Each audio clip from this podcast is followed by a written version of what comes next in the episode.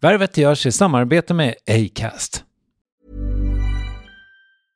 This Mother's Day, celebrate the extraordinary women in your life with a heartfelt gift from Blue Nile. Whether it's for your mom, a mother figure, or yourself as a mom, find that perfect piece to express your love and appreciation. Explore Blue Nile's exquisite pearls and mesmerizing gemstones that she's sure to love. Enjoy fast shipping options like guaranteed free shipping and returns. Make this Mother's Day unforgettable with a piece from Blue Nile. Right now, get up to 50% off at BlueNile.com. That's BlueNile.com. I'm Sandra, and I'm just the professional your small business was looking for. But you didn't hire me because you didn't use LinkedIn jobs. LinkedIn has professionals you can't find anywhere else, including those who aren't actively looking for a new job but might be open to the perfect role, like me. In a given month, over 70% of LinkedIn users don't visit other leading job sites. So if you're not looking on LinkedIn, you'll miss out on great candidates like Sandra. Start hiring professionals like a professional. Post your free job on linkedin.com/people today. Ryan Reynolds here from Mint Mobile. With the price of just about everything going up during inflation, we thought we'd bring our prices down. So to help us, we brought in a reverse auctioneer, which is apparently a thing. Mint Mobile unlimited premium wireless. Ready to get 30, 30, bit to get 30, bit to get 20, 20, 20, bit to get 20, 20, bit to get 15, 15, 15, 15 just 15 bucks a month. So, Give it a try at mintmobile.com slash switch. $45 upfront for three months plus taxes and fees. Promo rate for new customers for limited time. Unlimited more than 40 gigabytes per month. Slows. Full terms at mintmobile.com. Värvet presenteras i samarbete med Nasonex, utomhusmöjliggöraren, som de inte kallar sig av någon märklig anledning. Men det är i alla fall Sveriges mest köpta antiinflammatoriska nässpray mot allergisk snuva. Och nu kommer ett litet test, så fram med papper och penna du som lyssnar, nu kör vi. Fråga 1. Vill du vara ute mer i naturen? Fråga 2. Sitter du framför en skärm lite för mycket? Fråga 3. Är du allergisk? Om du har svarat ja på någon av frågorna så tycker jag att du ska bege dig till beanoutsider.se. Jag vill för övrigt poängtera att Nasonex nässpray är ett receptfritt läkemedel från 18 år för behandling av symptom vid säsongsbunden och perenn allergisk snuva. Rådfråga läkare om du är eller tror dig vara gravid eller ammar eller om du planerar att skaffa barn, har en obehandlad infektion i näsan, nyligen har genomgått en näsoperation eller har en skada i näsan. Får ingen effekt inom 14 dagar eller om du redan använder läkemedel med kortison ska du kontakta läkare. Använd ej mer än tre månader utan läkarkontakt. Stort tack Nasonex och beanoutsider.se.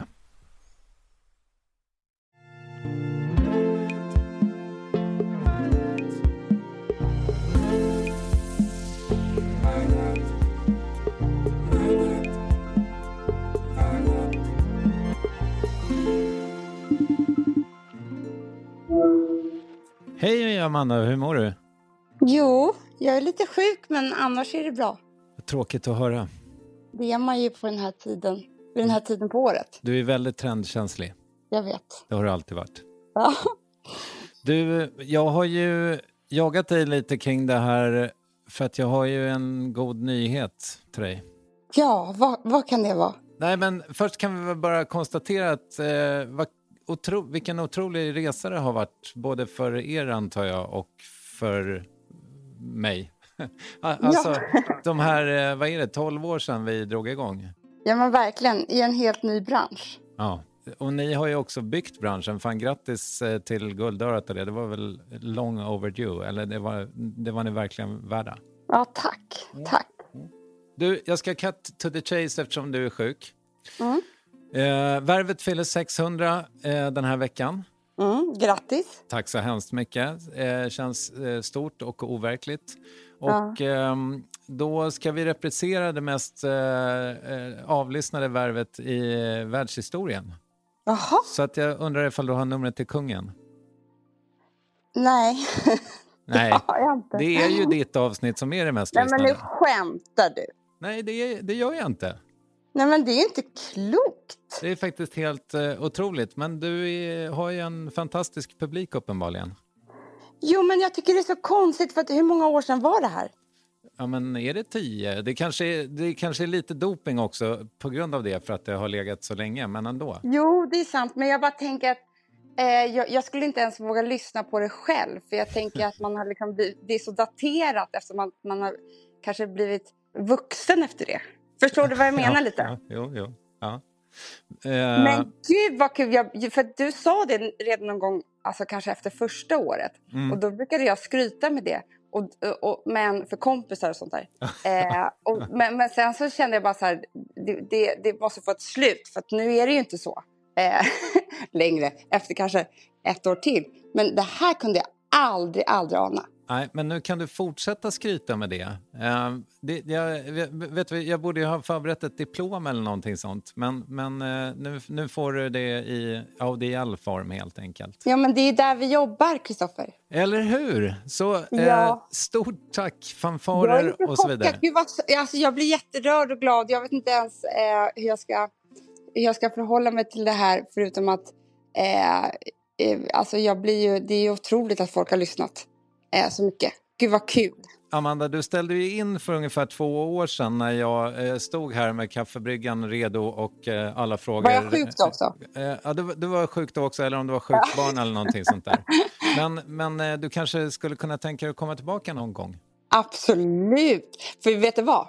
Det vore ju ändå otroligt att ligga både på första och andra plats. Eller hur? Ja, ja. Det är ett nytt något- mål för mig.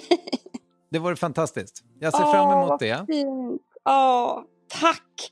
Gud vad härligt. Och grattis till dina 600 avsnitt. Och jag kan, inte, eh, jag kan ju bara gissa hur många, eh, alltså eh, ja, miljoner, miljoner, miljoner människor som har lyssnat på, på dina intervjuer. Ja, inte lika många som har lyssnat på dina avsnitt, men jag jobbar på det också. Jag det ska jag ikapp och om. Du var ju före oss också. Ja, nej, ni var två veckor före mig. Men däremot så var vi båda före Alex och Sigge. Ja, och det är det som räknas. Det är det som räknas. Du, kram på dig. Ha en, Kram! eh, Tack en- snälla, ha en fin dag. Detsamma. Tack för det här diplomet. Hej, hej. Hej! Alltså det är ju lite grann som att ni är ett mediaimperium, hela er familj. Eller att Mm. ni har en lång tradition av det i alla fall. Ja. Din farmor har vunnit Stora Journalistpriset därför att det var hon som gjorde Veckorevyn till det Det den, är idag. Ja, eller in, det det var kanske. det det var, verkligen. Det var ju, hade mycket större betydelse, eller den tidningen hade mycket större betydelse för kvinnor än vad det har, det har idag. Var De- kom hon ifrån liksom? Alltså hur kom det sig Nej, men hon gjorde ju en otrolig klassresa. Men hon började ju jobba för Bonniers någon gång i tiden. Och gjorde väl sen alla deras tidningar i 35 år eller någonting. Och var ju en sån som dels uppfann hon tidningar och dels så gick en tidning dåligt så tog man in henne. Efter tre månader så var den tre gånger så stor. Liksom. Förstår du? Hon var the magic man. Hon var, liksom, hon var ett marknadsföringsproffs också. Hon kom liksom på att man skulle ta till någonting. Alltså kanske det där med att ge en present, eller läppstift i tidningar. Eller hon var liksom, nej, men hon har myntat, det är liksom typ hon som har hittat på det här med G-punkten. Aha, Nästan okej. inte så. Men du förstår vad jag menar. Alltså, ha, allt det där som hon, som vi idag lever med, så är det mycket hon som har liksom tagit upp och gjort till någonting intressant för kvinnan. Men du vet att de häromdagen konstaterade? Att det inte finns? Ja. Jag vet. Men ja, hon myntade ju någonting som man alltid försökte lära oss, som, som jag fortfarande tänker på. Att man ska, i alla fall när man gör tidningar, men jag tycker när man gör massor av saker, man ska göra något för hjärtat, hjärnan och ljumsken. Jag kan alltid få in det. Vadå, att det ska pirra lite eller? Ja, Bra. det vill man väl, att det ska pirra lite hit och dit.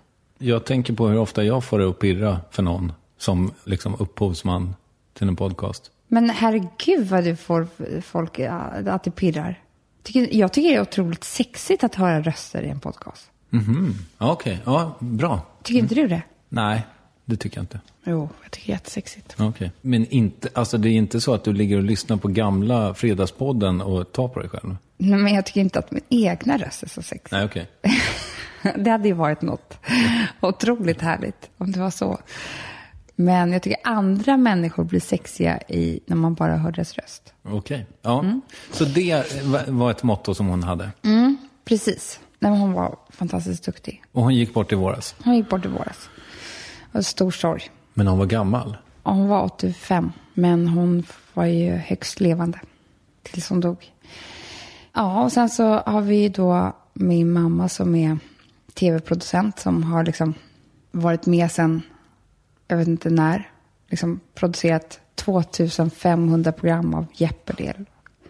Vem vill bli miljonär? Och äntligen hemma, liksom. fortfarande exekutiv producent i, ja, du vet, alla dessa år. Och Idol, alltså alla, alla olika tänkbara program. Vad heter hon? Stina Stjernberg. Och jobbar fortfarande som exekutiv producent på Meter. Men har varit med länge. Och så pappa som är filmfotograf. Men gjorde också mycket reklam och rockvideos när jag var liten. Jag trodde att han var stillbildsplåtis också. Men nej. Nej, han var det tror jag när jag var väldigt liten. Eller kanske bara, kanske till och med innan jag föddes. Han kan ju det också. Men han, han var ju filmfotograf när jag var, ja, väl, alltså det är det jag är uppväxt med så att säga. Alltså långfilm. Långfilm. Vad filmade han för filmer? Den som han filmade mycket med som var som slags mentor till honom var ju Sven Nykvist. Så han var till exempel regiassistent till honom på Oxen och, kommer du ihåg den filmen? Nej. Nej. Men det är en bra Skarsgård. film va? Den var Oscarsnominerad tror jag. Om jag inte är helt fel. Jag kommer ihåg att jag var med där på inspelningen. Men, nej, men han har gjort massor. Och sen så började han sen göra väldigt mycket reklam. Och gjorde typ alla rockvideos som fanns på hela 90-talet. Kommer du ihåg när det gjordes så mycket Ja, ja, ja. rockvideos? Absolut. Det var liksom hans grej. Var han före Jonas eh, Åkerlund? Jag vet inte när Jonas Åkerlund började. Och jag tror att Jonas Åkerlunds karriär tog ju snurr sen. när liksom de svenska kanske inte ens hade råd att göra rockvideos längre. Men, så det vet jag inte. Men han var liksom, ja, men han var bra på det. Du är uppvuxen på Söder. Mm. Var på Söder? Vid Södra station. Och din storasyrra Hanna är fem år äldre än du. Ja. Och din lillasyrra Amelia är fem år yngre än du. Ja. Och du är född 1980. Mm. Hur var det att växa upp vid Södra station 1980? Det minns du inte så mycket av antar jag, men Nej. på 80-talet då? Det var väldigt, verkligen högt och lågt. Eller vad man ska säga, inte högt och lågt utan kanske mer hit och dit, tror jag. Alltså det var ju väldigt, jag vet inte vad det är så längre någonstans som det var där då. Att det var liksom verkligen blandning av nästan fattigdom och liksom missbruk och ganska mycket tråkiga saker. Men sen så otroligt konstnärliga och kreativa människor som kanske inte var så framgångsrika då, men som blev det sen. Och speciellt barnen till dem som man växte upp. Alltså, föräldrarna kanske inte var... Men det är många därifrån som, jag, som det har gått väldigt bra för. Så som? Nej, men jag gick i samma skola som Robin. Vi sjöng samma kör. Jag var nästan lika bra som hon, du förstår. Nej, men och jag och eh, Mattias Varela var ju, vi var ju de två stökigaste i klassen. Ah, som okej. bara fick gå i olika sådana obsklasser. Eller du kommer ihåg alla de här allmän matte och alla de där, ja, Gustav Skarsgård gick också där. Parallellklass och, nej men listan är lång. Och det, det, är liksom, det känns som att det var också många av dem som jag vet sitter inne idag, i, inte av dem då, men som gick i ens klass, som sitter faktiskt i fängelse idag. Liksom. Några som inte ens lever eller så. Så det är en väldig blandning av människor. Men där bodde vi i alla fall. Där bodde jag hela min uppväxt. Tills jag var 16 år. Då skilde sig mamma och pappa. Och då flyttade jag ihop med en kille. Ganska ung var jag då. Det får man säga. Ja, men det var, det var det allra bästa för mig då, om man säger så. Tror jag. Även om jag nu kan känna ibland att det var inte alls så bra. Och han bodde på Djurgården. Som du och jag pratade om innan. Ja, det gjorde vi. Mm. Vi har kommit på var för sig att man kanske ändå skulle vilja bo där. Ja, att det är drömmarnas dröm lite grann. Och då började jag Östra Real också. Och mamma flyttade också till Östermalm sen. Vem var i skolan? Jag var dålig i skolan. Skolan var liksom bara som ett mörkt svart hål för mig när jag tänker tillbaka. Jag var aldrig där faktiskt. Aha. Mer så. När började det? Alltså när... Sjuan. Nej men skolan var inte alls, det var jättejobbigt. Jag hade också ett helt liv utanför skolan. Vilket inte är så bra. Jag var inte en av dem. Jag var något annat. Du hade ett helt liv utanför plugget re- redan i sjuan? Varför det? Eller på, på vilket sätt? Eh, Det var så konstigt, men jag tror, alltså min stora syster Hanna var ju fem år äldre än vad jag var. Och hon var min stora idol hela min barndom. Jag ville bara vara som henne. Och hon i sin tur liksom levde som att hon var äldre än vad hon var. Vilket gjorde att jag gjorde ett jättehopp, förstår du? Så att vid 13 års ålder så var jag liksom på Gino varje helg. Kommer du ihåg? Alltså jag känner till det. Ja, Ja, men det var så här stans tuffaste nattklubb. Och jag satt så här typ i gubbars knä och drack champagne. Det ska, ska man inte göra när man är 13 år. Nej. Det gjorde jag. Så jag liksom, jag var ute mycket. Jag vill, jag vill bara vara äldre. Jag tyckte inte om att vara, alltså det blev en krock när jag kom tillbaka till skolan och skulle på måndagen skulle berätta vad jag hade gjort i helgen, vad de hade gjort. Och, Och de hade varit på ridläger typ. ja, jag Och- kände mig utanför. Och de tyckte nog att jag var helt, helt knasig. Vadå, har inte ni suttit i en gubbes knä och druckit champagne Ja. Gino? Exakt. Vad är det för fel på er? Ja. Det var en jävla konstig tid alltså. Men det var ju också så att man tänker att det var tur att ingenting värre hände alla de här åren. Så. Och sen så då så flyttade jag hemifrån med den här killen då när jag var 16. Och då var det också så att vi levde liksom som ett gift par. Alltså väldigt så här mycket äldre liv. Och skaffade landställe och var, alltså jag missade några år. Hur var det hemma då? Alltså nu när jag tänker tillbaka så vet jag att jag inte var, jag var inte världens gladaste barn. Det är sorgligt i sig att känna så. De bra stunderna var väldigt bra och den, det finns väldigt mycket saker från min familj som jag tycker om och som jag liksom verkligen känner är något helt otroligt som inte andra hade. Och det var ju väldigt så här kreativt och ja, men jag fick väldigt bra värderingar liksom, hemifrån. Födde en hippiefamilj såklart. Mamma var då innan hon blev, jobbade med tv var hon svensklärare för invandrare. Så att hon var liksom, det var mycket sånt hemma hos oss. Så här, chilenare som stod och lagade gryta och så hade liksom temakväll och sådär. Nej men det var verkligen allt möjligt och vi demonstrerade och vi gjorde allt sånt. Va? Vad demonstrerar ni för? Eller mot? Nej, det var ju kärnkraft. Det var liksom, alltså, ja, Hanna var nog med. Det är väldigt lustigt mellan mig och Hanna, för Hanna är verkligen uppe, hon är uppväxt liksom mer på 70-talet och verkligen hippofamilj. Jag är ändå uppväxt på 80-talet och då förändrades vår familj ganska mycket. Liksom, pappa började tjäna pengar och gjorde reklamfilmer och ja, men vi hade liksom mycket mer och, av allting och det andra kanske försvann lite. Jag tror man kan se det på oss också, att vi är ganska olika. Alltså materiellt är vi olika. Vi är liksom fortfarande kvar där på något sätt. Hur menar du? Att du är lyxigare än han? Ja. ja. Jag tycker om det mer än vad hon gör. Ja, Så. Fast du- Inte att jag är lyxigare kanske, men Det känns ju helt naturligt. För eh, liksom, om man ska säga schablonbilden av 70-talet är ju velour och liksom, Mm. eh, tillsammans Sverige så att säga. Och schablonbilden av 80-talet är ju yuppie-eran på något sätt. Mm. Det känns väl helt rimligt. Ja, men det är så. Det är lust att tänka så. Att det ändå fortfarande finns kvar i oss på något vis. Och inte att förglömma, ni uttalar också till exempel champagne. Ja. Olika. Exakt. Där du säger champagne och Anna säger som jag, champagne. Ja. Precis. Men, men så det var väl så. Och pappa var liksom, han var borta väldigt, väldigt mycket. Hade han dåligt samvete för det tror du? Eller, Jag vad- vet inte. Jag tror inte att min pappa är en familjeman från början. Han tycker om barn. Han tycker om liksom, säkert tanken av familj. Men jag tror inte riktigt att han klarar av att leva i en familj. Och det gjorde han väl inte då riktigt heller. Eftersom han var borta väldigt mycket. Så att när han kom hem då. Du vet i film, långfilm. Alltså det, är- det är månader borta. Och sen kommer han hem. Då tror jag också att han skulle ta tag i saker och uppfostra oss och sådär. Under två dagar. Ja, just det. Okej. det gick inte alls så bra, om man säger så. Man kan säga så här att min mamma och pappa var väldigt olika. Och levde väldigt olika med oss. Och det är mycket som jag har varit arg på sedan den tiden. Men det är det som är det otroliga med att faktiskt gå terapi och lära sig saker om sig själv och andra människor. Ja, men jag tycker det är så viktigt. Alltså, när jag började min terapi så tänkte jag så här. Den är dum och den är snäll. I princip. Och sen så förändras ju det där när man börjar förstå att ja, vad som är vad och att ingenting är ont eller gott eller ingenting är... Det är liksom, det finns mycket mer än så.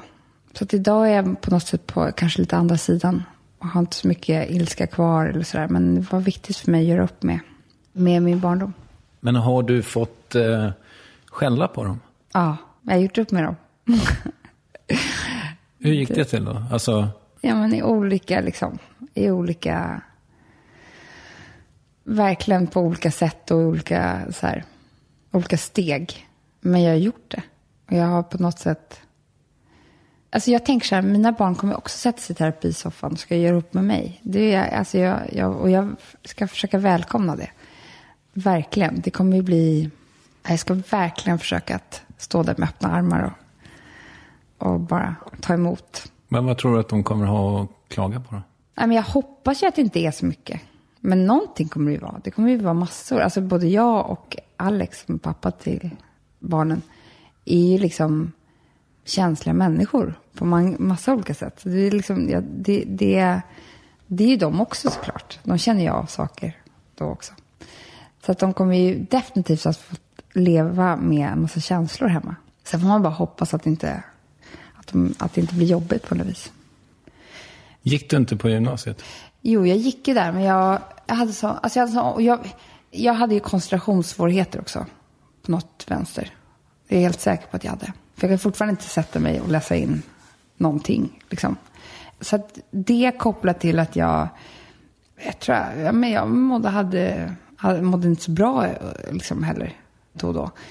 Gjorde att jag inte gick till skolan. Och när man inte går till skolan och missar så är det ännu värre att gå dit nästa dag. Så att det, jag kan fortfarande så här, idag 34 års ålder, alltså jag säkert en gång i veckan drömmer jag mardrömmar om det är klassrum och jag kommer för sent och jag, ska, kan, jag har inte gjort läxan och jag vet inte vad de ska prata om, hur ska jag ta mig ur? Alltså det finns i mig, det är liksom trauma som fortfarande finns i mig. Så att skolan var inte något för mig. Sen kunde jag liksom, jag var så pass bra att, eller jag hade något så här, ja, men jag, jag kunde plugga till ett prov dagen innan och bara så här memorera alltihopa. För att sen sätta mig och skriva, få helt okej och sen glömma bort det. Så jag har inte lärt mig så mycket. Har du massa kunskapsluckor nu då? I vuxen ålder? Ja, och jag sen hade, jag slutade alltså skolan ett halvår innan också, studenten. Det var ju bra. Så att jag är heller inga, jag hade, sen kom några år där jag hade verkligen någon, alltså komplex för att jag inte hade gått skolan. Nu har jag kommit över det. Men jag hade det.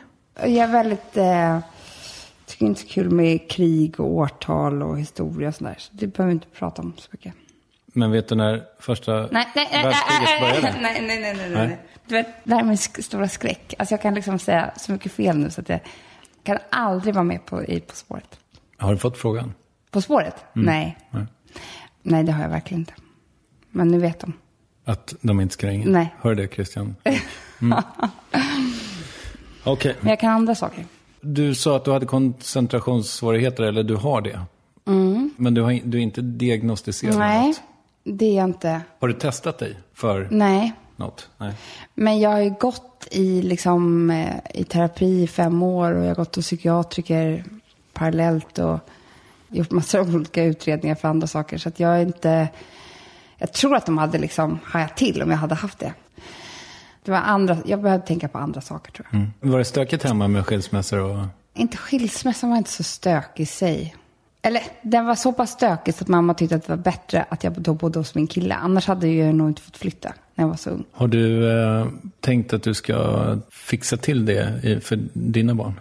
Men gud, ja verkligen. Nej, alltså nu har jag gått fem år i terapi. Och så avslutade den faktiskt för bara några veckor sedan. Men eh, när jag fick mitt första barn, då, det var ju då jag började gå i terapi.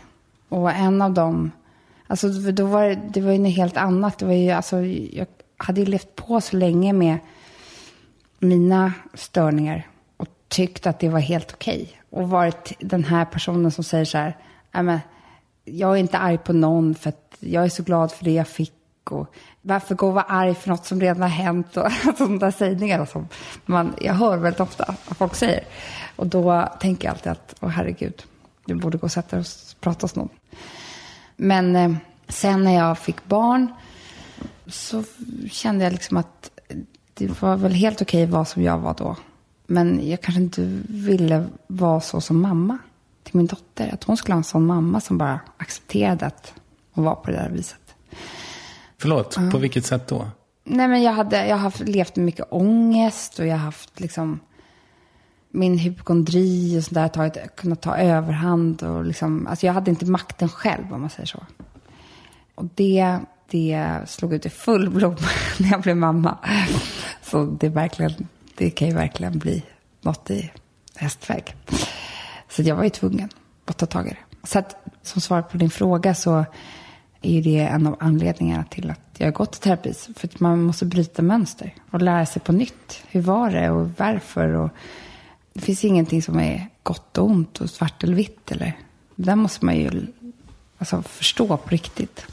För att kunna sen berätta för sina barn och ta det vidare. Och, och eh, försöka vara en bra förälder.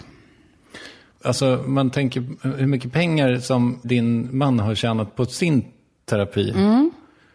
Du ligger i läder. När ska du börja liksom tjäna pengar på att du har varit trasig? Eller det kanske du gör. Ja, men det tycker jag att jag gör med Fredagspodden och så vidare. Ja, men jag, jag, tror, jag tror faktiskt att de som tycker om mig, tycker om mig för att jag kan dela med mig. Men du, jag tänker Ja. också att ni, för ni är tre syskon. Hanna, du och Amelia. Det kom faktiskt en flicka till mellan mig och Hanna. Som eh, hette Jenny.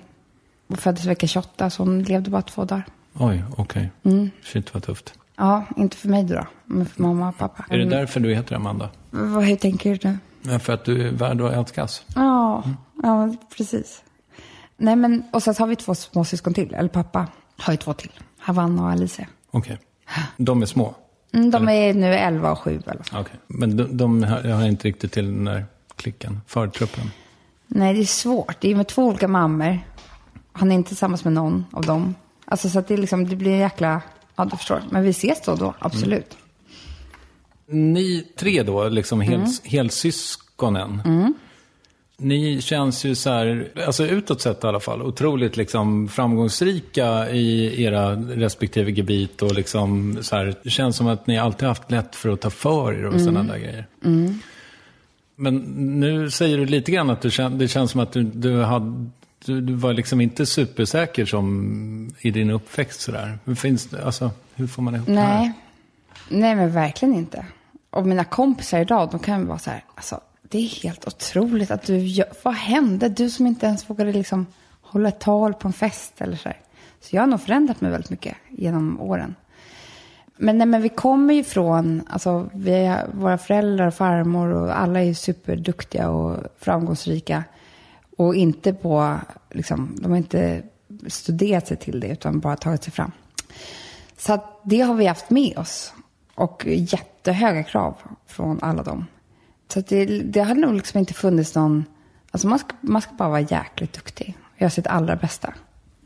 Så det har jag nog haft med mig. Men sen så var jag nog alldeles för osäker för att så här, blomma ut. Jag var mera sån som var duktig andreman liksom. Alltså jag ville plisa någon annan. Innan i min, mitt yrkesliv.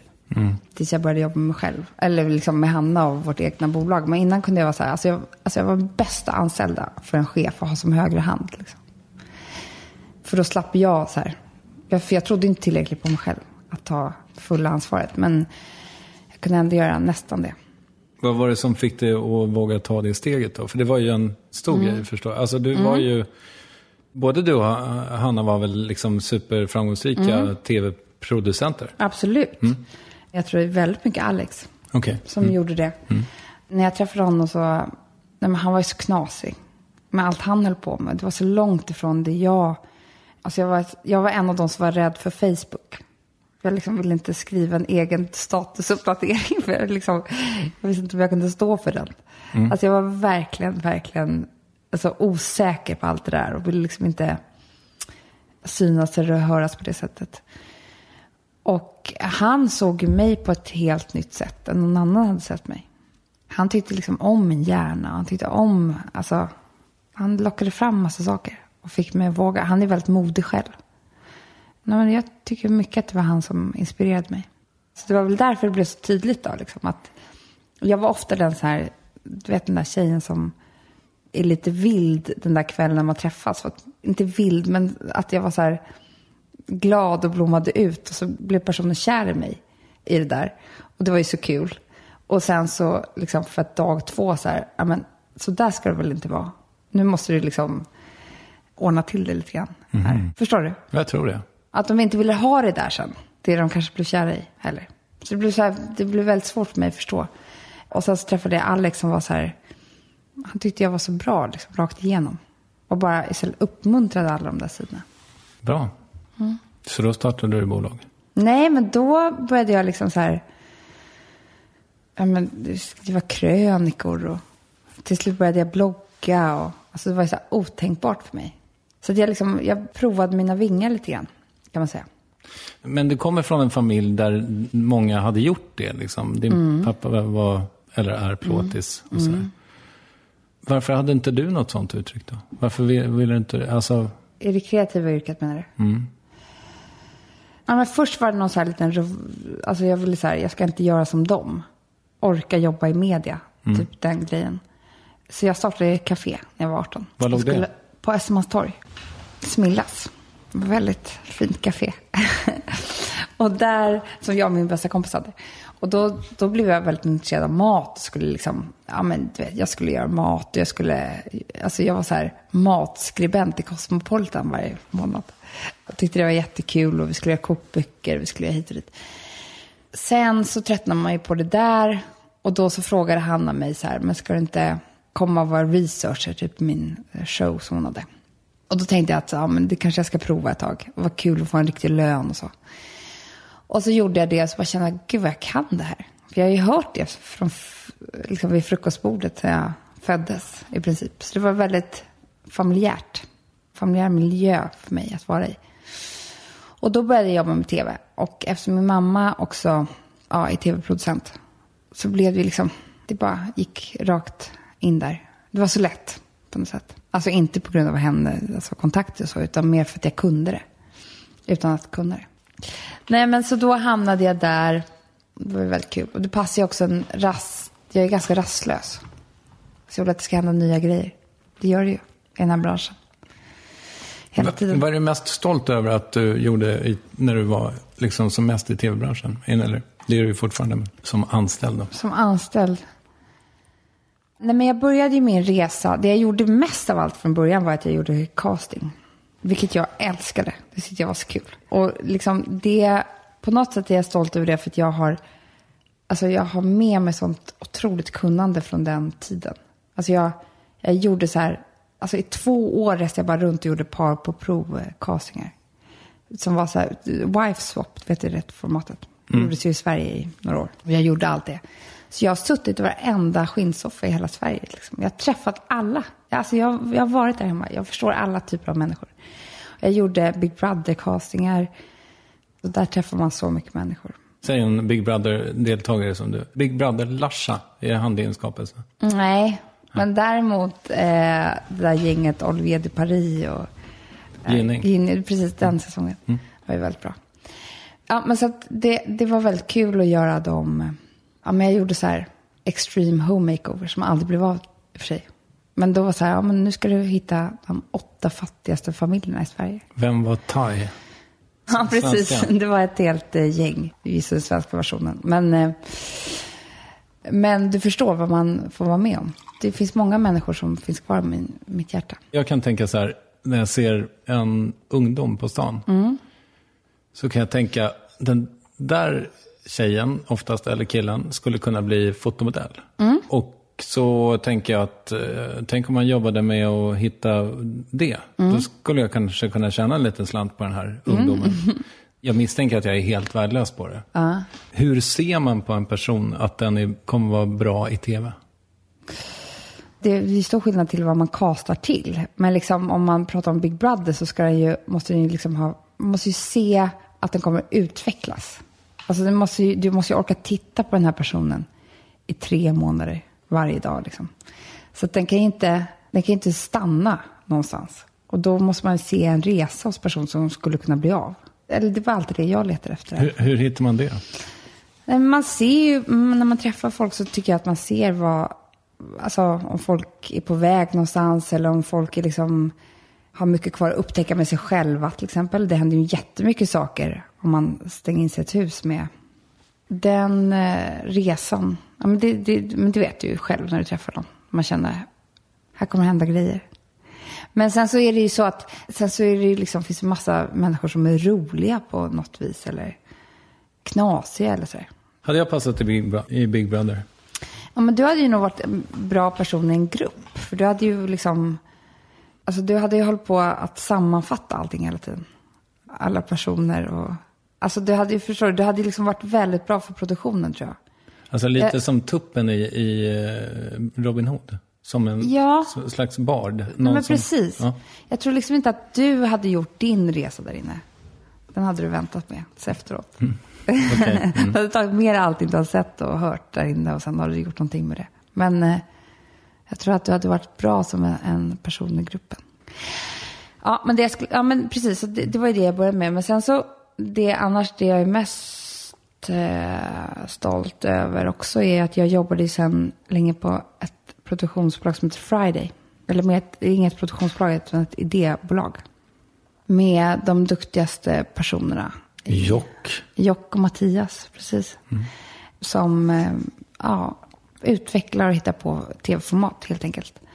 Och det jag gjorde var att jag åkte och sålde dem utomlands. Och de var ju så här, de kanske var de första som var med och hjälpte till att skapa någon form av självförtroende hos mig. För att de trodde på mig på något vis. Och var så här, men det här kan du ju göra. Men liksom, dag två så var det så här, men det här, stå här och pitcha inför liksom, de bästa i tv-branschen. I Europa eller liksom. Jag bara, men jag, jag, det här kan ju inte jag. Jo, det kan du visst, sa de bara. Och så kunde Så du det. jag, ja, jag låtsades tills jag kunde. Det är ett bra trick. Det är ett bra trick. Så det gjorde jag väldigt länge och jag växte, alltså. Jag växte så mycket under den tiden som person. Och liksom, jag trodde helt plötsligt att jag var någon. Det var härligt. Varför hade du inget självförtroende när du växte upp? Kände du dig inte älskad? Är det det som var problemet? Jag tror så här att jag, jag känner mig kanske älskad, men jag vill nog ha min pappas kärlek mer än vad jag fick. Och jag... Jag var, jag var, ganska, jag var väldigt, väldigt ängslig och rädd och, och så. Och det har varit jämt, faktiskt. Det var, jag var inte ingen, inte ingen stark person. Var du snygg redan som ung? För du, du ser väldigt bra ut. Det vet ju alla, så att säga. Du är snäll. En ve- Det är en vedertagen sanning. Ja, men jag var ju så här, skulle bli fotomodell, tyckte alla hit och dit. Och min familj och så här. Och det var i den branschen. Hur gick det med den karriären? Ja, men det var helt vidrigt för mig som inte hade något självförtroende. Men du hade en portfolio och så? Det gör jag. Jag var på castings och sådär. Men jag var ju för tjock. Jag, var ju, jag hade ju alldeles för stor rumpa. Och jag var ju så här alldeles för... ehm, nej men liksom, jag fick ju aldrig de där jobben. Jag fick aldrig... Jag blev bara... Alltså, vet, man skulle gå in och snurra inför någon, några personer som satt från tuffa personer från reklambyrå från liksom, kunden. och Så där. Och jag fick ju aldrig de där. Och så var det så här, "Ja, men du passar inte riktigt som fotomodell. Du kan vara med här i People-katalogen. Alltså de som är lite fulare. Men ändå har något slags uttryck i ansiktet.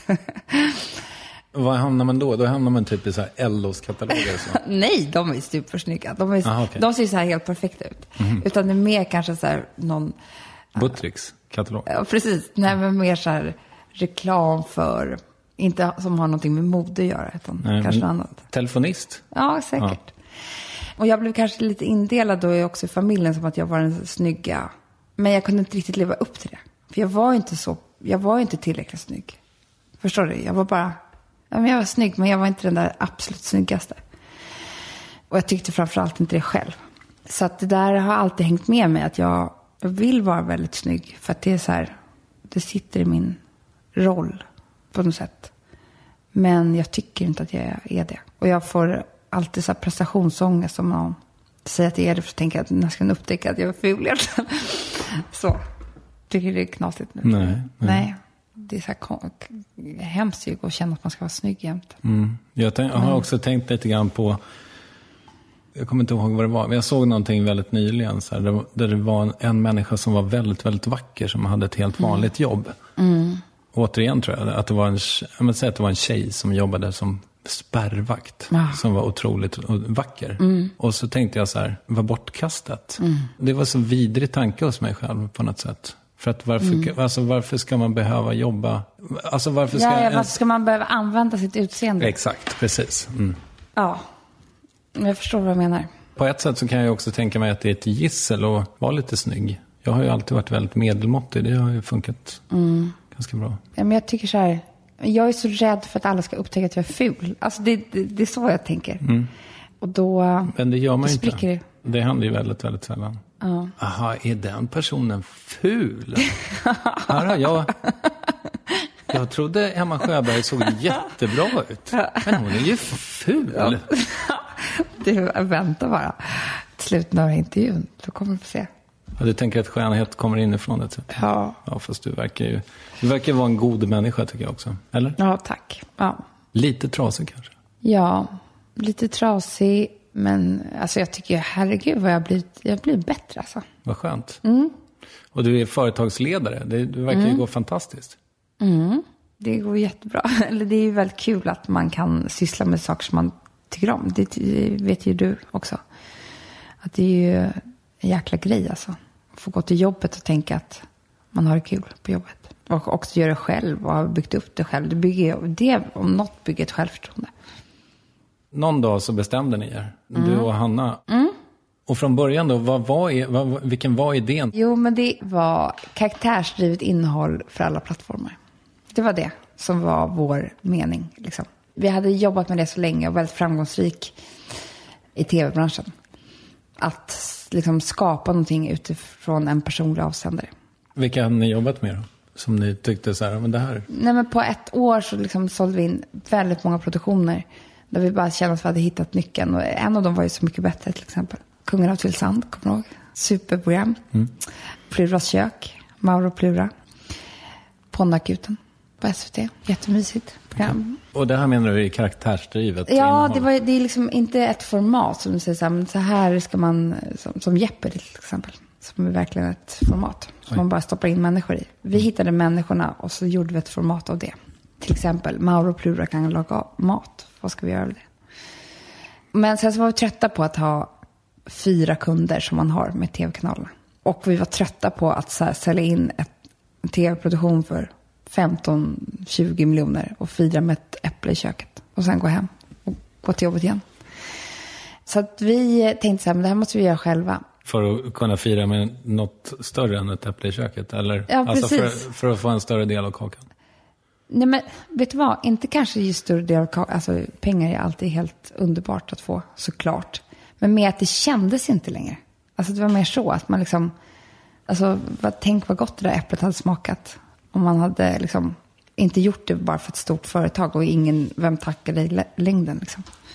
Och det var ju så. Alltså gud när vi liksom startade och var så här, fick in något litet. Alltså, du vet, det var ju en helt otrolig känsla. Vi tjänade några tusenlappar här. Det var ju jättekul. Vad var det första då? Var det ert matlagningsprogram? Ja, men det var precis för Aftonbladet. Rätt mysigt. Det var rätt mysigt. Ja, Ja. Ni fick några skop där också ju. just det. Något återfall. Christer eh, Sandelin. Ja, han tog ett ordentligt återfall. Var det en vecka tror jag. Sen i efterhand så hävdade han väl att det inte var något återfall. Gjorde han det? Jag vet inte. Han Så- kom i alla fall dit nykter och sa att han inte skulle dricka. Och mitt i middagen så tänkte han, nej, nu kör jag. Skitsamma. Men, nej men precis, vi hittade ett hål i Aftonbladets... Alltså vi såg inte var den moderna kvinnan fanns någonstans. Och ett glapp mellan Sofies mode och Härligt Hemma. Så vi presenterade en idé, men då tyckte faktiskt eh, Jan Helin att det skulle vara jag och Hanna. Tänkte vi, kul, det gör vi. Ja, för ni hade tänkt någon annan programledare? Ja, men vi, te- vi kom bara på idén och tänkte det här kan vara två kvinnor. Liksom. Men de skulle helst vara som oss. alltså det blev ju snabbt, och plötsligt fanns vi på alla plattformar. Så det var kul att få prova på då när vi skulle börja med andra plattformar än just tv. Och så började vi med den här podden, Fredagspodden. Och sen så, vi bloggade och det var webb-tv och kokböcker och ja, allt vad det nu var. Och nu så gör vi det fast med en massa andra personer och inte kvar på Aftonbladet. Hur många personer har ni? I vårt stall, typ 15. Som ni gör samma sak för? Alltså, Nej, inte alltid. Vi gör inte allt med alla. Vi gör olika saker med varje person. Men vi, vi känner att vi har kunskapen att göra allt på alla plattformar. Är det ni som är framtiden? Gud ja. TV och sådär, det känns ju skakigt. Det är ju det. Det är ju det folk har sagt väldigt länge och nu är vi ju där. Är kul att det äntligen hände. Ett tag kändes det som så här, det här kan vi hålla på och prata om hur länge som helst, det kommer aldrig hända. Men nu är vi faktiskt där. Samtidigt 2,2 miljoner Så mycket bättre. ja, i lördags. Jo, och det är jättekul. Och det, det tror jag kommer fortsätta att vara så med vissa program. Men däremot, liksom, average liksom, tv-tittandet är svårt att få ihop. Sådana här superstora, dyra produktioner som bara ska gå hela tiden. Och sen så tror jag mycket i, liksom, i att vi, vi vill ha ett annat innehåll och vi vill liksom ha personliga avsändare som sållar ut åt oss. Vi orkar inte med all jävla reklam. Så vi vill liksom hitta våra, våra personer. Så följer vi dem istället. Och det de tycker om, eller gör, eller lyssnar på. Eller vad det nu är. Jag blir ju anklagad ibland för att vara liksom sell-outig och sådär. Men eh, har, har ni stora problem med det? Därför att ni är ju mycket mer kommersiella än jag är. Nej, men jag, jag tror att du, ehm, du är så mycket mer kreddig än vad vi är. Så därför är det är svårare för dig. Så fort jag så här, börjar tänka på vad vissa personer tycker om, skulle tycka om att jag gjorde vissa saker, då, då vill jag ju bara lägga av. Då vågar jag inte göra någonting. För det är liksom väldigt hårt i de kretsarna, eller hur? Vad tänker du på? Alltså vad så här, Andres Lokko skulle tycka Ja, om men att... precis. Ja. Det är liksom många personer där som tycker mycket. Som man, om man skulle lyssna på dem så skulle man ju ha svårt att göra massor av saker. Men så fort jag inte tänker på det och bara säger... Får jag bara fråga, vem är din Andres Lokko? För eh, Andres Lokko Ja. var ju k- credden personifierad för mig tydligen. Ja. Nej, men jag tror att det mer finns ett så här, eh, lite coolare gäng. Finns det inte det? Lite så här tjejgängaktigt. Alltså sådana här Nöjesguiden-profiler. Liksom. Jag vill ha namn. Ja, jag ska komma på någon som skulle tycka att vi är töntiga. Paris Amiri. Ja, nu är hon en gullig tjej. Men jag tror att hon tycker säkert att vi gör jättemycket töntiga saker. Margareta Atladotter. Ja, gud. Det tror jag verkligen. ja, men det är det jag menar. När jag börjar tänka på vad sådana tjejer tycker om mig, då blir jag jätteosäker. Då blir jag så här, gud, ja, men det här kan man inte göra, eller så här, eller liksom. För jag kan lätt hamna så här i, ja, sen tänker jag bara på Oprah, då blir jag glad igen. Är det din medicin?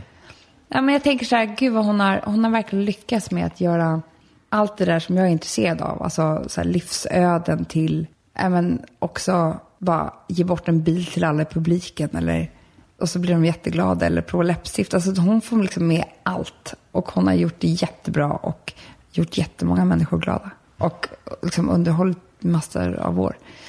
Och det tycker jag är det finaste. Och Andres Lokko och Paris Amiri tycker inte hon är cool heller. Nej, det tror så jag du inte. tänker. Eller det, hon är väl coolast av dem alla i och för sig. Men du förstår vad jag menar. Mm. Det är liksom svårt att plisa alla. Och ska man börja tänka att man ska göra det, då, då går det inte. Men däremot så tror jag att vi, vi är ju kommersiella till tusen. Liksom. Men jag tror också att våra tjejer som lyssnar på oss är faktiskt mest tjejer. Därför säger jag det. De hejar ju på på ett annat sätt. De ger oss klapp i ryggen och säger det här var kul liksom. Och ert vin och det är underbart. Och, alltså, vi lever en mycket snällare, eller vi har mycket snällare fans och lyssnare. Ja, och det där undrar jag liksom lite grann över. Därför att om vi jämför oss så känns det som att jag tror till exempel inte att jag skulle kunna ha ett vin. Av, I och för sig av flera skäl eftersom jag är nykterist och sådär också. Men, men jag tror att mina lyssnare, ja det är klart, det är, jag har ju gäster, det är därför, det är därför folk lyssnar på, på mig. Jag skulle säga att era lyssnare är mer engagerade i er. Alltså jag är ju bara Ja, här ja, ja, för, för att, att få dig att prata. Ja, Så det är en stor skillnad. Men sen tror jag också att, kanske framförallt du, men ni har ju en ganska lyxig liksom, framtoning. ja tycker du det? Ja, verkligen.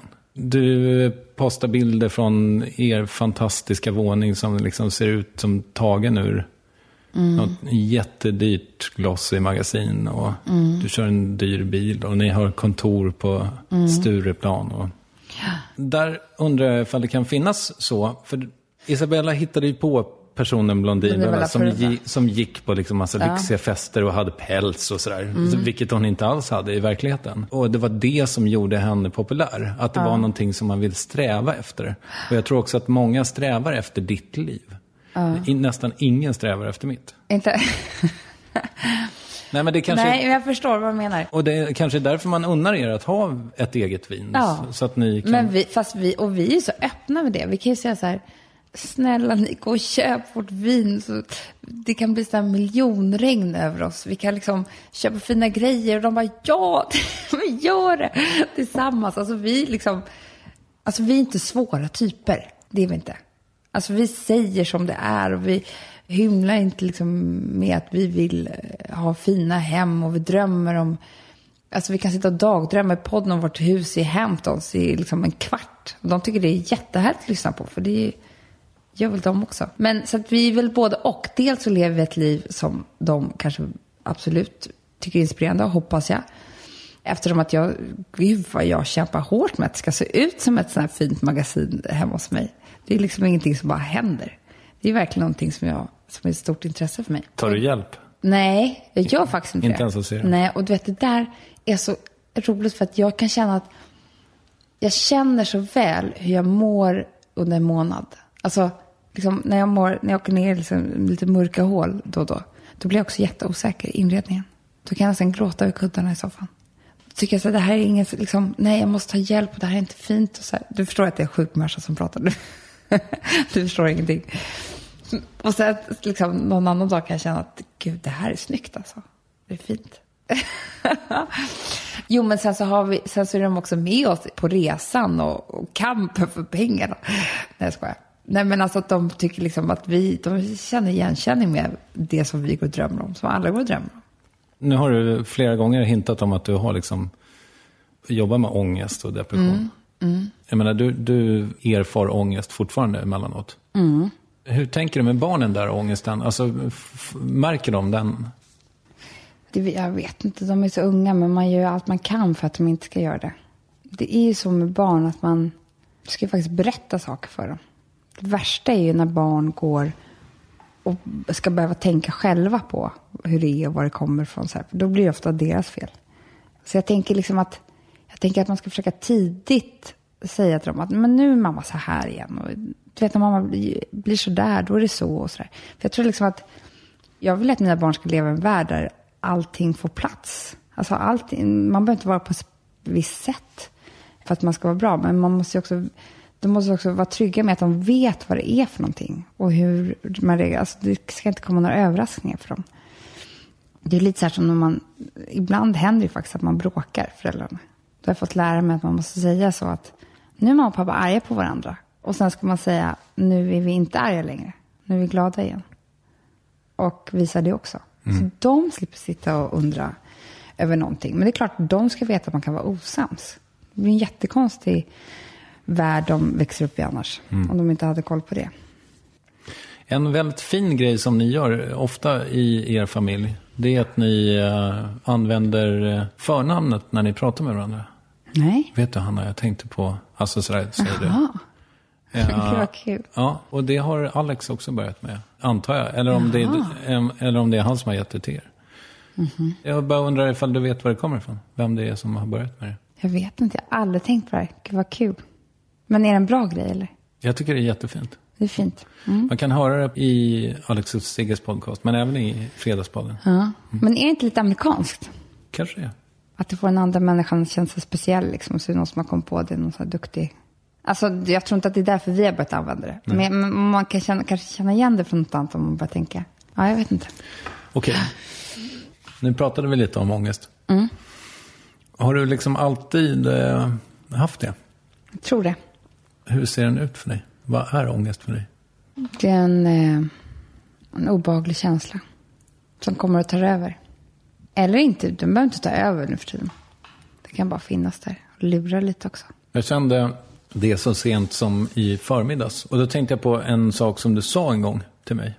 Att du försöker härleda din ångest numera. Och jag försökte härleda min ångest. Men jag kunde inte. Det enda jag kunde komma på var att jag inte hade någon som behövde mig då. Det var väl verkligen ett, en bra... Det kom du ju på det. Men det känns också som att det skulle kunna vara någonting som jag bara hittar på. För att då hade jag precis lämnat min son i skolan till exempel. Nej, men du vet vad, du vet vad det nog var då? Det var kanske inte att du behövde någon, att det inte var, fanns någon som behövde dig, men jag tror att det var känsligare för dig med separationen. Mm, det kanske så. var. Så Det var nog den som var kvar. Det kan det ha varit. När du härleder din ångest, känner du ibland att du får skarva lite? Ja, men det måste ju vara att jag glömde betala på ICA. Ja, men, men, men faktum är att man måste träna på det där. Man blir bättre och bättre, så att säga. Man lägger ju ett pussel. Alltså man blir bättre, det är som att lägga pussel. Man blir bättre och bättre på det också. Om man gör mycket. Så jag har säkert fel, men alltså nu blir det mycket att jag pratar om när jag gick i terapi hela tiden. Men som att jag är så här, att jag återgår till min religion hela tiden. Men det är ju det man lär sig när man går vecka efter vecka. Att man kommer dit och så säger man så här, men så här har jag mått och så här. Och sen så börjar hon så här, men, men vad var det som hände den här veckan då? Så måste man tänka ut själv ju, vad som hände. Och vad det kan ha varit. Och vad, men vadå, det satte igång tisdags morgon och vad hände måndagskväll? Och så börjar man nysta det där. Så det är någonting man måste lära sig. Det kanske är en naturbegåvning, vad vet jag. Nej, det tror jag inte. För liksom, jag kan inte känna att jag någonsin har förstått min ångest. Nej. Inte när jag är i den. Sen, jag Nej, kan... men fast då är man ju inte intelligent. Alltså, det, ångest tar ju bort intelligens väldigt mycket. För mig i alla fall. Ja, så är det kanske. Kanske inte, man kan, kan ju bli kreativ och sådär, men, men det blir inte jag. Men jag bara tänkte på en sak också som, som har hänt, som jag har förstått liksom, på senare tid, som är så otroligt sorgligt. Det är att ibland när jag känner ångest och då försöker lokalisera vad det kan vara för någonting, så upptäcker jag att det liksom inte ens var någonting som gav riktig ångest. För att jag är så känslig typ. Så vi säger så här att du, du har skickat ett sms med Amanda, vi ska ses idag, men jag, jag sov inte i natt, så jag kommer vara en kvart sen och, och jag har inte ens med mig någon lunch. Så vi, jag sa ju att jag skulle ta med mig lunch, men jag har inte det. Det är ju ingenting som stör mig egentligen, förstår du. Men det var ett negativt besked. Det var någonting som var tråkigt med det här smset. Liksom.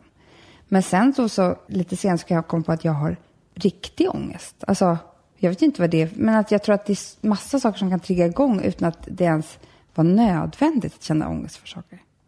Förstår du vad jag försöker komma nu? Så mitt eh, sms, det kan trigga igång din riktiga ångest? Det är det, Det det jag upptäckt nu i senare tid att, att jag tror att jag går med en massa onödig ångest som inte ens har med någonting som är på riktigt att göra. Det är bara det att liksom, kroppen och alla, eller hjärnan framför allt, den är så duktig på att memorisera saker och att liksom, det börjar med något som slutar med något annat, förstår du?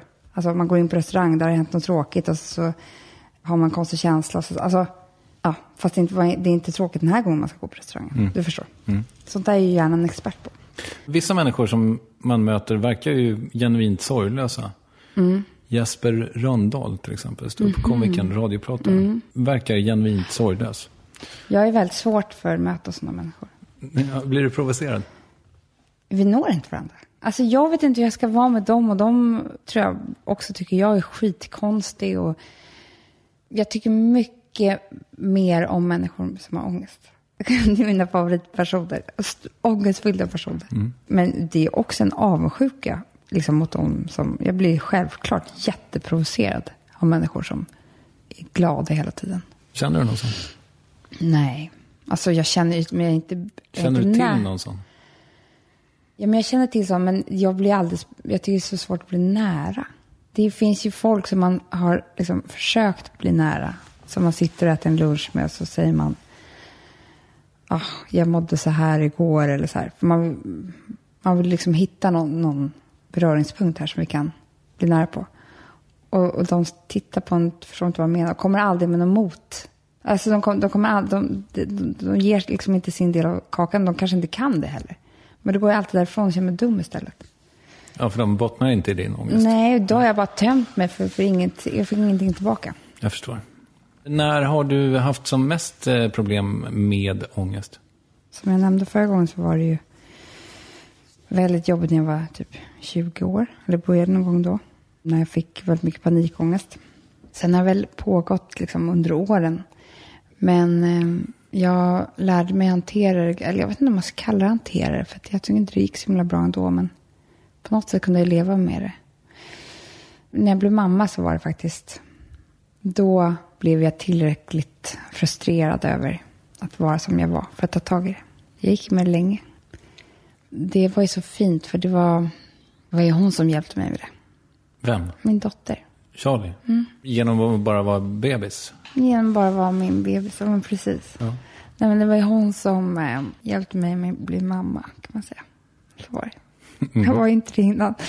Men det var ju hon som, som ställde krav på att jag också skulle bli en bra mamma. Eller inte en bra mamma, men en bättre person. Det tycker jag är en väldigt eh, fin egenskap med barn. Behöver du en Ja. en näsduk? Nej, det går bra. En Kleenex? Nej, men det, det är ju det som är med... Det går liksom inte att värja sig mot.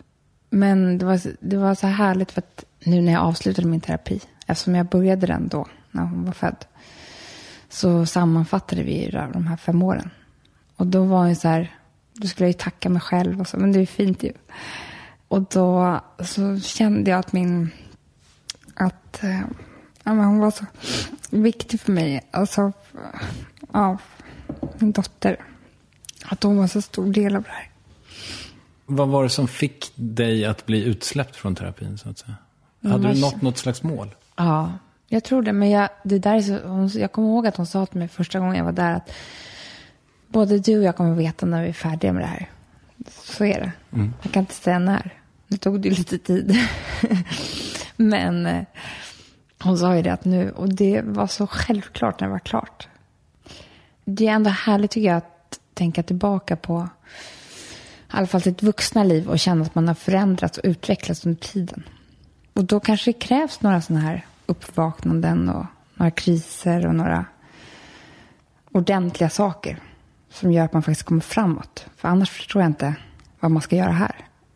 förstår du? Mm, verkligen. Så jag är väldigt, jag är väldigt tacksam för... Alltså det finns många gånger där jag har känt så här, fan i helvete att man ska vara en sån här person som, som känner så här mycket. Och det är liksom, man kanske inte kan kontrollera allting man känner. Och det är tråkiga känslor och faktiskt helt vidriga. Men det finns faktiskt gånger som jag också känner så här, fan vad kul att, att jag ändå har det här. Att liksom, jag kan använda mig av det, att jag kan... Ja, men faktiskt, jag liksom använder ju jättemycket det i mitt jobb och att jag utvecklas och jag går framåt. Och jag liksom, ja, det, att, det då är det ju jättekul. Ja. Är du på rätt plats i livet nu då? ja, men jag är faktiskt det. Det är det som är så sjukt härligt då. Att det blev så. Nej, men jag är inte en av dem som inte gör saker som de vill. Men det tog jättelång tid för mig att komma hit. Och Jag hade inte väntat mig det. Men jag tycker faktiskt att det jag gör är väldigt kul. Ibland till och med viktigt. Alltså för mig, men för andra. Alltså jag tycker liksom att jag gör, jag gör bra grejer. Det låter knasigt ju, kanske med de som inte vet vad jag gör och så vidare. Men, men att vi liksom har ett större tänk med vad vi gör. Men kanske inte alltid låter så. På vilket eh, sätt får du kvitton på att du gör viktiga grejer? Det är liksom tusentals mejl och människor. Nu är det tjejer då. För jag träffar ju nästan bara tjejer. Alltså, vi har varit med våra tjejer i så mycket fina, fina stunder. Det var en, jag kommer aldrig glömma ett mejl som vi fick av en tjej som... Hon hade haft en jättejobbig förlossning. Och barnet överlevde faktiskt inte, tror jag, till och med.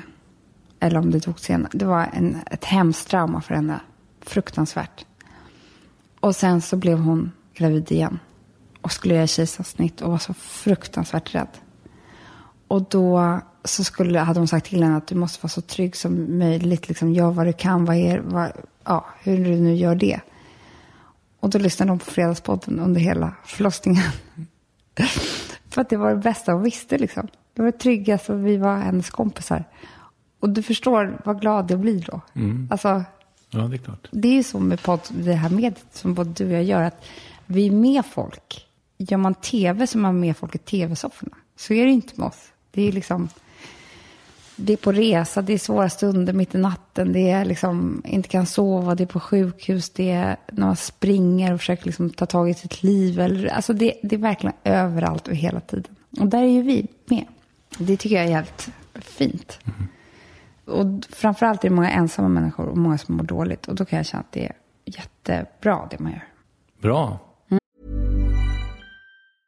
How would you like to look five years younger? In a clinical study, people that had volume added with Juvederm Voluma XC in the cheeks perceived themselves as looking five years younger at six months after treatment. Look younger, feel like you. Add volume for lift and contour in the cheeks with Juvederm Voluma XC. Reverse signs of aging by adding volume to smooth laugh lines with Juvederm Volure XC. For important safety information and to find a licensed specialist, visit juvederm.com. That's J U V E D E R M.com. Not for people with severe allergic reactions, allergies to lidocaine, or the proteins used in Juvederm. Common side effects include injection site redness, swelling, pain, tenderness, firmness, lumps, bumps, bruising, discoloration, or itching. There's a risk of unintentional injection into a blood vessel, which can cause vision abnormalities, blindness, stroke, temporary scabs, or scarring. Talk to a licensed specialist to find out if it's right for you. I'm Sandra, and I'm just the professional your small business was looking for. But you didn't hire me because you didn't use LinkedIn jobs. LinkedIn has professionals you can't find anywhere else, including those who aren't actively looking for a new job but might be open to the perfect role, like me. In a given month, over 70% of LinkedIn users don't visit other leading job sites. So if you're not looking on LinkedIn, you'll miss out on great candidates like Sandra. Start hiring professionals like a professional. Post your free job on linkedin.com/people today. Quality sleep is essential. That's why the Sleep Number Smart Bed is designed for your ever-evolving sleep needs. Need a bed that's firmer or softer on either side? Helps you sleep at a comfortable temperature? Sleep Number Smart Beds let you individualize your comfort so you sleep better together. JD Power ranks Sleep Number number 1 in customer satisfaction with mattresses purchased in-store. And now, save 50% on the Sleep Number limited edition Smart Bed for a limited time. For JD Power 2023 award information, visit jdpower.com/awards. Only at a Sleep Number store or sleepnumber.com. Yes, ny sponsor. Värvet presenteras i samarbete med Svea Bank. Och jag menar inte att ta ner stämningen, men dessvärre är ju lågkonjunkturen här, vilket innebär att de flesta branscher har det tufft och också väldigt många privatpersoner. Jag vet själv vad det är att ha en trasslig privatekonomi. Det var struligt i många år för mig och låg ofta post i hallen med trista logotyper i ena hörnet och jag hade också i flera års tid ett helt gäng betalningsanmärkningar. Och tyvärr är det nog många som har det svårt att få ihop till räkningarna just nu, som har hamnat i ekonomiskt trubbel. Och det är här Svea Bank kan kliva in med något som kallas skuldfinansiering. Där löser de skulder hos inkasso och till Kronofogden och till och med om Kronofogden vill sälja ditt boende har Svea Bank möjlighet att hjälpa till. I den här tjänsten får du en personlig handläggare som gör en grundlig genomgång av din ekonomiska situation. De tar kontakt med dina kreditgivare och när ett lån beviljats löser de dina skulder åt dig och samlar dem i ett enda lån med en avbetalningsplan som din ekonomi klarar av. För om du har hamnat i klister, du är inte ensam och kanske kan det här hjälpa dig. På svea.com skuldfinans kan du läsa mer. Tack Sveabank. Mm. Du eh, sa till mig förra gången vi sågs. Jag kände att jag var dålig som inte frågade mer om det. Men nu sa så här, när, att, eh, är det någonting som får dig att ticka så är det psykvården i Sverige. Ja. För det första, vad, vad är det som stör dig med psykvården? Att den är helt åt helvete. Att ingen vet var man ska vända sig någonstans. Ingen politiker som tar det här på allvar. Det är liksom bara dolt. Det är bara någonting som man försöker glömma bort att det överhuvudtaget finns. Och det är fortfarande fler människor som dör, som väljer att ta sitt liv än dör i en trafikolycka. Eh, det är så jävla förjävligt så att det eh, Alltså det är det som jag skulle kunna ställa mig upp och bara skrika. Alltså jag, jag blir tokig. Jag kan liksom... Jag fick kontakt med en tjej som hade en stor blogg och bloggade. Var jätteduktig på att skriva. Och skrev och liksom, man förstod att hon var väldigt intelligent och hade väldigt mycket... Alltså hon var duktig på innehåll och sådär. Men hon beskrev sitt liv som egentligen psyksjuk och inifrån psykakuten för det mesta. Och jag kontaktade henne för jag bara kände att jag, det var då jag jobbade med tv och det passade inte in med det jag jobbade med. Men jag bara kände att jag måste göra någonting med henne. Jag måste liksom, på något sätt måste jag berätta en historia. Så vi hade kontakt väldigt länge och sen så bara tog det slut. Kontakten och slutade skriva på bloggen och jag blev ju jätteorolig. Och sen några månader senare så då ringde hon, eller om hon mejlade. Och då hade hon hoppat tre våningar ner. Och vaknat upp ur en koma och hon hade ju velat ta sitt liv men hade inte lyckats. Och var förlamad från midjan neråt. Och försökte fortsätta hennes liv så. Och det blev ju liksom aldrig bättre. Och jag åkte då till sjukhuset till Borås och hälsade på henne. Och vi höll kontakten hela tiden. Jag kände mycket med henne. Alltså det, hon fanns hela tiden i mina tankar på något sätt. Och sen så ville jag så gärna att hon skulle skriva en bok. Så vi höll på att prata om det. Hon var faktiskt väldigt... Eh, men det, det känns bra på slutet. Nu kommer vi göra det här. Eh, eller hon kommer göra det. Jag kommer hjälpa henne. Och eh, i somras så lyckades hon tyvärr ta sitt liv. Så idag finns hon inte längre. Men jag, alltså, när jag tänker på henne då blir jag så här, jag blir så jävla ledsen över att hon, att det inte var någon som hjälpte henne. Det är så jävla förjävligt alltså. Hon har varit i kontakt med psykvården sedan hon var 15 år gammal. Hon har, liksom, hon har aldrig fortfarande gått i terapi. Hon blev bara medicinerad och åkte in och ut på psykakuten. Liksom. Vad är det för någonting? Vad är det för jävla land du lever i? Jag blir helt tokig när jag tänker på det. Det var många som följde henne. Många som... Hon hade också ett fint stöd. Liksom. Jag tror hon kanske känner det idag. Jag hoppas att hon känner att hon har det bättre någonstans. Men hon är bara en av så många som... Jag, jag tycker för jävligt alltså. Inte klokt. Fortfarande att man... Man får inte prata om det. Man, alltså, folk vet ju fan inte ens om att de har ångest. För de vet inte vad det är. För det är ingen som har lärt dem. Det är ingen som har informerat dem om det. Vad är det? Och de flesta depressioner, de är liksom kemiska. Det är bara äta medicin, du kan bli bättre. Mm. Vissa mm. tillstånd är faktiskt livshotande. Ja, ja. Så är det ju. Det är liksom, du måste ha hjälp. Jag blir mörkrädd när man tänker på...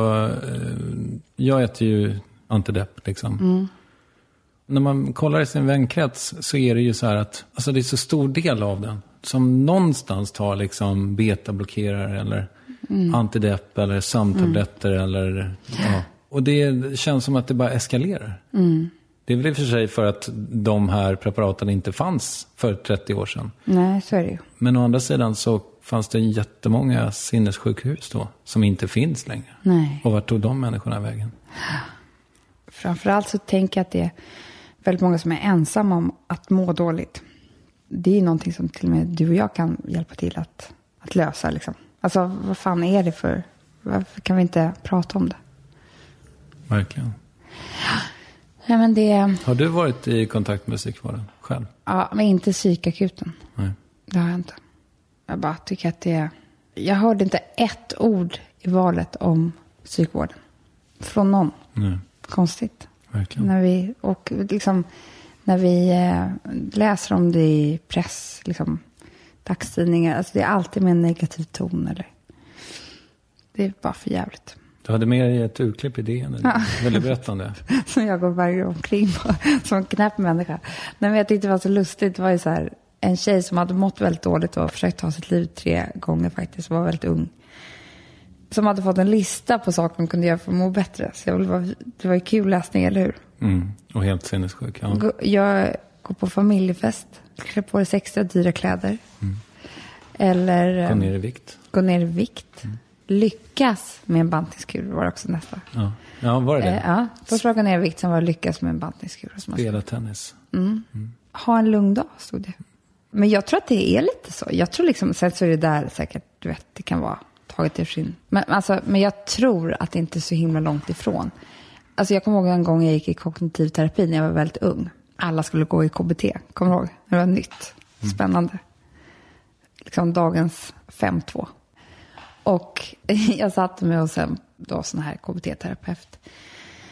Och så sa han så här, hur mår du då? Då sa jag, nej men jag har, jag har panikångestattacker. Okej, bra kom, så går vi ut. Och så gick vi upp till hennes trappuppgång och så skulle vi springa upp och ner för trappan. För att jag skulle få hjärtklappning. Och när jag då fick då, när min puls var så hög, så vi hade sprungit upp och ner, så ställde vi oss och sa så här, känner du nu? Du slår ditt hjärta. Det är inte farligt. Känner du det? Det här är helt lugnt. Jag håller i handen. Förstår du? Mm. Det är för fan förnedrande mm. att råka ut för något sånt. Mm. Det är lite samma att få en lapp med att ha en lugn dag eller gå på familjefest. Ja, ja visst. Men du, eh, din panikångest försvann inte heller? Då ja. nej. nej, verkligen inte. Men den, den är faktiskt, den är faktiskt, den har jag faktiskt ganska bra kontroll över. När hade du det senast? Jag vet inte, det var någon gång när jag flög. Jag hatar att flyga. Värst som finns. Ibland. Ja. Det är någonting med kontrollbehovet. Ja, fy fan. Vidrigt. Speciellt också alltid när man, eftersom ofta när jag flyger, eller inte ofta, men ibland, så har man kanske varit och gjort någonting kul med några kompisar och druckit alkohol och så här, ska man flyga hem dagen efter. Då, då kan det komma vad som helst. Är det så? Mm. Nej, men det, då är jag liksom i flygplan och lite så trött och bakfull typ. Fy fan, hemskt. Vad gör du åt det då? Nej, det är bara, det är bara, det får ju ske. Men, Bite the bullet. ja, precis. Vad ska man göra? Man måste ju leva också. Återställare? Frågetecken. Nej, men det, det har aldrig varit min grej. Jag, jag, kan, jag kan inte förstå. Jag trodde folk satt och ljög som så, så här, dricker Blood and Marys och sånt. Gör de inte det? Att de har vodka i. I don't know. Nej, men att det är så här cool grej. Eller så är man illa ute. Ja, jag tror kanske det. Mm. Finns det kanske ingen mellanting, tänker jag. Möjligt. Ja. Kan man säga att du har gjort en klassresa? Om det handlar om att röra sig i de fina salongerna så har jag gjort det. Men jag har aldrig varit så imponerad av överklassen. Så det är liksom inget, för mig är det inte så, så att jag bara, "Åh, nu är jag här. Jag gjorde det. liksom. Så har det ju aldrig varit. Du känner dig inte äcklad av att åka ut till förorten här, till Vällingby och hälsa på oss medelklassen? Exakt. Nej, verkligen inte. Men det är klart att det har varit så här, det finns väl stunder där det har varit knasigt liksom. När man, man rör, alltså man är med människor som har väldigt mycket pengar och man inte själv hade det. Då, då har det ju varit knäppt, kanske. Och sen så liksom tror jag också att det, det är en sak att umgås när man är unga och alla har ju ungefär samma, samma saker på agendan. Att man ska bli full och bli kär och sminka sig snyggt eller något när man är 17 år. Du förstår. Och sen så växer man upp och ska börja arbeta och jobba och så här. Och då är det ju, och det är klart att det kan vara konstigt och när hälften av ens kompisar inte överhuvudtaget jobbar. Eller så. Inte behöver ens pengar till hyran. Så det var väl mera liksom, skillnader, alltså det har blivit mer och mer skillnad på oss. Trivs du med livet? Ja, jag tycker det blev bra alltså. Jag är så glad över mina, mina barn. Så gulliga. Min man. Att jag gör roliga saker. Och... Men jag kan tycka så här, jag, jag tycker om att, så att ibland tänka på mig själv och tänka så här, men gud vad duktig du är nu. Lilla älskling, tänker jag till mig själv. Alltså så här, att det blev, ja men det här blev väl bra då. Jobbar du med affirmation? Det har jag lärt Ja. mig av min psykiater nu. Ja, ja men eh, lite grann. Lilla Amanda är en gullig tjej. Som inte är så rädd längre. Vad bra. Du, eh, är du feminist? Jag med. Alltså, något annat vore ju helt konstigt. Klart det är. Får du någon näthat? Jag har fått väldigt mycket. Väldigt Nu- mycket. Nej, men inte väldigt mycket. Men nu håller jag inte på och bloggar och sånt där längre. Men när jag gjorde det så, så um, fick jag ju det. Ganska läskiga saker. Men mycket kommentarer och sådär som man mår dåligt av. Men det var, det var rätt härligt för det var så här, jag berättade det här för min terapeut. Och då sa han att du måste säga ifrån. Jätteviktigt att säga ifrån. Och så sa han exakt vad jag skulle säga. Och så sa jag det i podcasten. Om en sån här grej till händer så kommer jag sluta med allting jag gör. Då blir det ingen podcast, det blir ingenting. Och det lovar jag. Och det var så skönt att säga det. Jag sa det så här med darr i rösten och väldigt ändå, jag tog i. Och det var på riktigt. Alltså det, var, det var så mycket på riktigt som någonting någonsin har varit. När jag gav tillbaka. Det Fast var... det gjorde du ju inte. Det är jättekonstigt. Jag, jag, nu blir jag lite sur på din terapeut. Är det sant? Ja. Alltså jag menar om du inte får göra din podcast och skriva dina böcker och göra dina Jo, men det måste vara på mina villkor. Alltså jag, jag vägrar bli, bli behandlad så här. Liksom, jag lovar det, det kändes faktiskt bra. Okej, bra. Sen får vi se om jag hade slutat med alltihop, om det hade hänt igen. Men det vet man inte. Men jag fick i alla fall säga Mm. det. Vad har du för mål? I livet. Med allt. Alltså det är så jävla kul att vara lycklig ju. det är det bästa som finns. Jag tror inte att man alltid kan vara det. Och man ska, ska inte vara det jämt hela tiden. Men tänk om man får, kan få så många stunder av lycka som möjligt. Eller så många stunder där man känner att man lever som möjligt. För det är också, jag tycker det är så jävla härligt att känna att det händer grejer. Och Då behöver inte det vara bara saker som har med lycka att göra.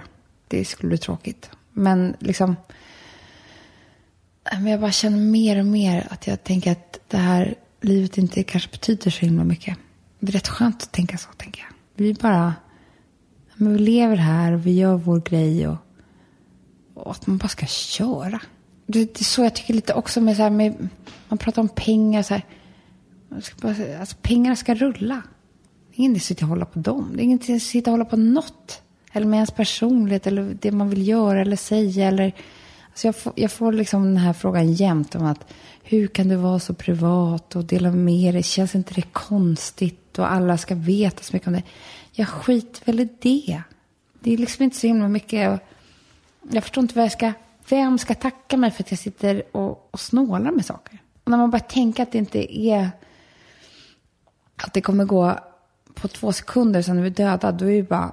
Det är ju rätt befriande. Så det är en sorglig tanke, men det är ju ändå skönt att, att tänka att då är det inte så viktigt vad Parisa eller Margret Atladotter om de tyckte att jag, att jag var töntig med någonting jag gjorde.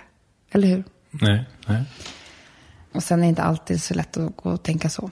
Men eh, jag tänker att det vore kul att ha som mål att, att vara en sån där som lever. Det vore kul. Lever du mycket efter regler liksom? Hur menar du? Ja, vilken jättevid fråga. ja, men det började med att jag tänkte på hur ni resonerar kring era barn. För ni är ju båda ganska offentliga, du och din man. Mm. Hur tänker ni kring bilder på dem? Och... De är aldrig med. Nej, Där har vi regel. Ettårsgränsen heter det. berätta. Ja, Men när de är bebisar får de vara med. Och det, jag tror att det är så här, jag tycker inte att folk är knasiga som har sina barn med på, alltså det, jag tycker inte, ingenting om någon annan. Men Alex bloggade om Charlie i ett år, det var Sveriges största blogg.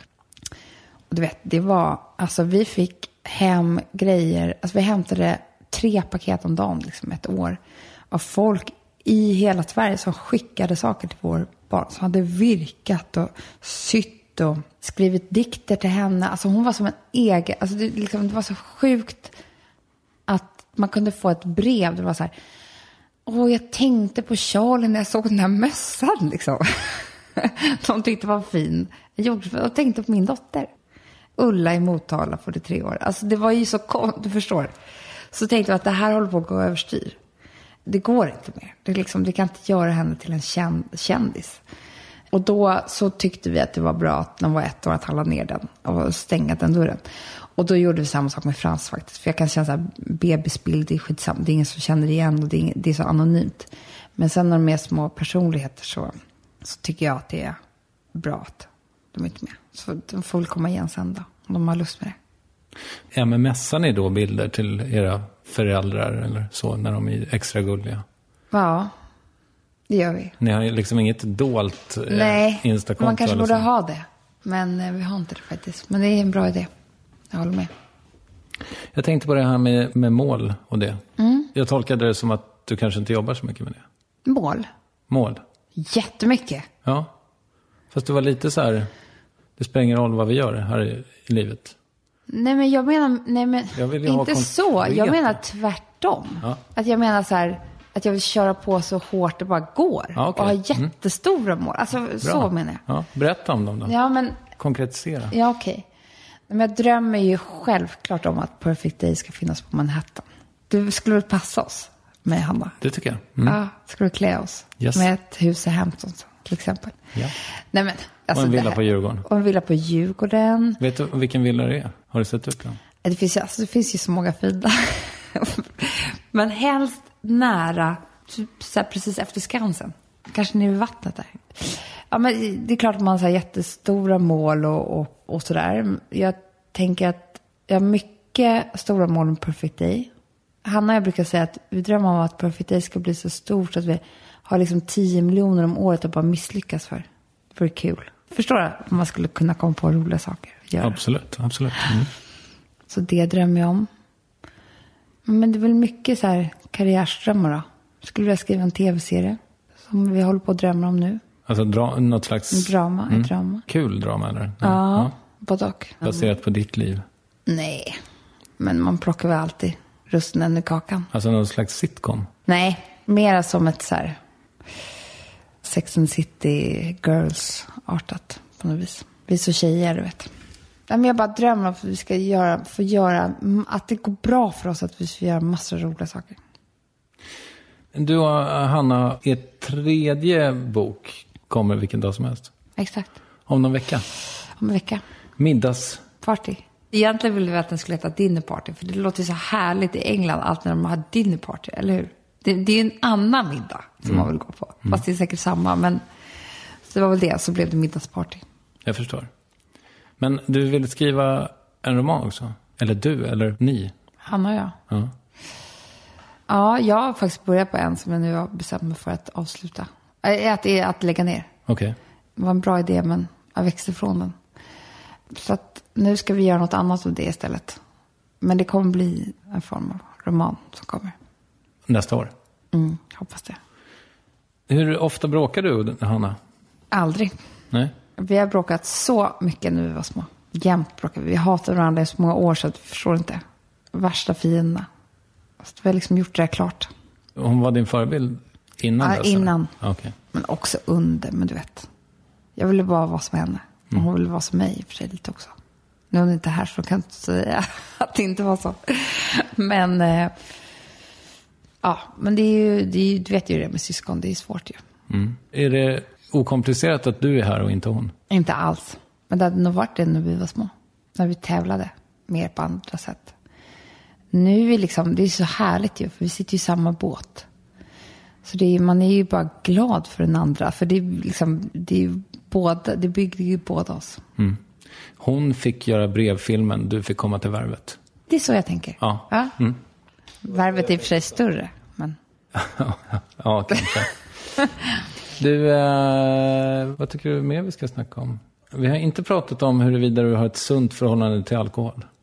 jag älskar alkohol. Min fördom om dig är att du är en sån som kan dricka ett och ett halvt glas vin och sen sätta i korken och spara den här flaskan i fyra dagar. Inte riktigt. Men eh, så här, alltså jag tycker jättemycket om alkohol. Jag älskar att tänka på alkohol. Alltså, på, vilket, på vilket sätt? ja, jag tycker att det är så härligt ju. Dels så är det gott.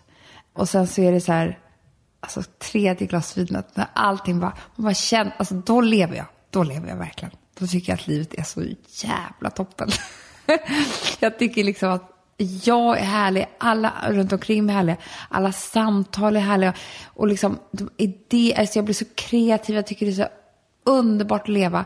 Jag tycker att det är, ja, det är så, alltså jag blir sugen nu bara jag tittar och pratar om det.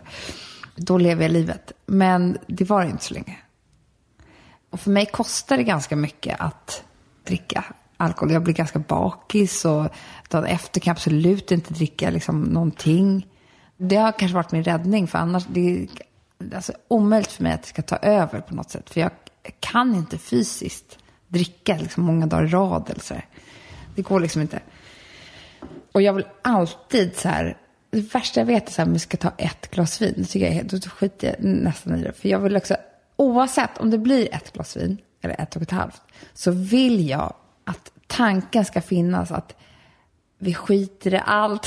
vi bara öppnar flaska efter flaska och det är liksom, och det är väldigt svårt med barnen, du vet. Det passar inte ihop alls. Alltså jag är ju sån här som vill, helst av allt skulle vilja sitta på en lunch i någon solig, på en solig plats, liksom, där allting är härligt och lite dekadent och, och liksom ta ett glas till lunchen och sen så bara går över någon slags underbar fylla. Och livet blir härligt i så många timmar. Men det- är ju väldigt sällan det händer nu. Mediebilden av dig är ju också att du går och lägger dig helt sinnessjukt tidigt. Jag älskar att sova. Alltså jag tycker så mycket om att sova. Alltså jag älskar min säng. Jag vill bara ligga i sängen. Jag vill göra allt i sängen. Alltså jag tycker så. Visst är det mysigt att sova? Ja, Du tycker inte om det? ja jag är lite för rastlös tror jag. Är det sant? Du vill upp? Du vill inte äta frukosttimmar i sängen och sånt där? Nej. Nej, jag tycker det är så himla härligt i sängen ju. Det måste vara fin säng med härliga lakan också. Ja. Vad har du för favoritlakan? Schlossberg. Jag förstår. Okej, då har vi pratat alkohol. Vi har pratat feminism. Vi har pratat om Hanna och dig. Hur, skulle du säga att ni kompletterar varandra? Ja, men Hanna är ju ordning och reda och hon är väldigt ansvarstagande och liksom tycker om avtal och har ett otroligt kontrollbehov på ett nästan sjukligt sätt. Men eh, så länge det ligger inom någon form av gräns så är det ändå bara väldigt bra för vårt företag. Och jag kan liksom inte ens anteckna, jag är helt hopplös. Men det bästa är när vi låter, alltså vi är väldigt kreativa ihop, men när vi också låter oss vara på det här viset så får, jag stör inte han och hennes kontrollbehov och hon får liksom vara den är. Och då får jag vara så här ett virvar, en form av knasboll. Och det är jag ganska bra på att vara och det kommer en del bra saker ur det. Jag tycker du eh, kanske ska odla bilden av dig själv som ett geni. Tycker du? Ja, det tycker jag skulle passa Det dig är väl. så jävla coolt tycker jag. Tänk om alla bara pratar, börjar prata om Amanda Schulman, geniet. Ja, men exakt. Lite, så- alltså så här, du jobbar ju med Alex och Sigge också, alltså deras podcast. Sigge har ju lite den bilden. Den tycker jag, den skulle lika gärna du kunna ha. Det finns alldeles för få kvinnliga genier som tar sig själva på det stora allvaret också. Exakt, och det är ju bara, jag kan ju också låtsas tills jag blir det. Verkligen. Förstår du vad jag menar? Jag gör det bara. Jag bara gör det. Ja. Men om det är någonting som jag är väldigt, väldigt bra på så är det människor och känslor. Jag är jätte, jättebra på det. Det kan jag verkligen säga. Jag var inte så bra i skolan men jag är alltså, det är inte många som slår mig. När ska du programleda själv? Tror jag skulle vara så bra på det verkligen. Ja, varför inte? Hej och välkomna till, alltså jag vet inte, jag tycker inte det, Det där är, har jag lärt mig kallas för en uppa. Och det, det känns omodernt. eller hur? Man ska bara börja mitt i. Nej men jag är inte så tänd på den idén heller. Jag tycker liksom att, du, liksom vad, vad ska det vara bra för? Nej, du behöver inte. Nej, men jag tänker att det som är spännande som jag och Hanna har gjort i alla fall, det är att vi för första gången är två kvinnor som pratar med varandra. Kvinnliga programledare bara pratar med en fin klänning rakt in i kameran. Liksom. Så det var ju kul när vi började med det. Bechteltestet, känner du till det? Nej. Det är för film. En film ska uppnå följande kriterier. Att det ska finnas två kvinnliga karaktärer som pratar med varandra om Mm. någonting annat än en man i x antal Oj. sekunder eller minuter eller vad det är. Jaha. Och det fixar ju er tv-serie galant. Mm. Tycker jag är bra. Grattis. Tack. Jag tänkte också att när vi pratade om mål så trodde jag också att du skulle säga att ni ska äga en fjärdedel av Gotland. Ja, det gör vi redan. Jag skojar. det kommer vi säkert göra. Vi ska i alla fall bygga en massa pooler. Tycker inte det vore kul? Pooler.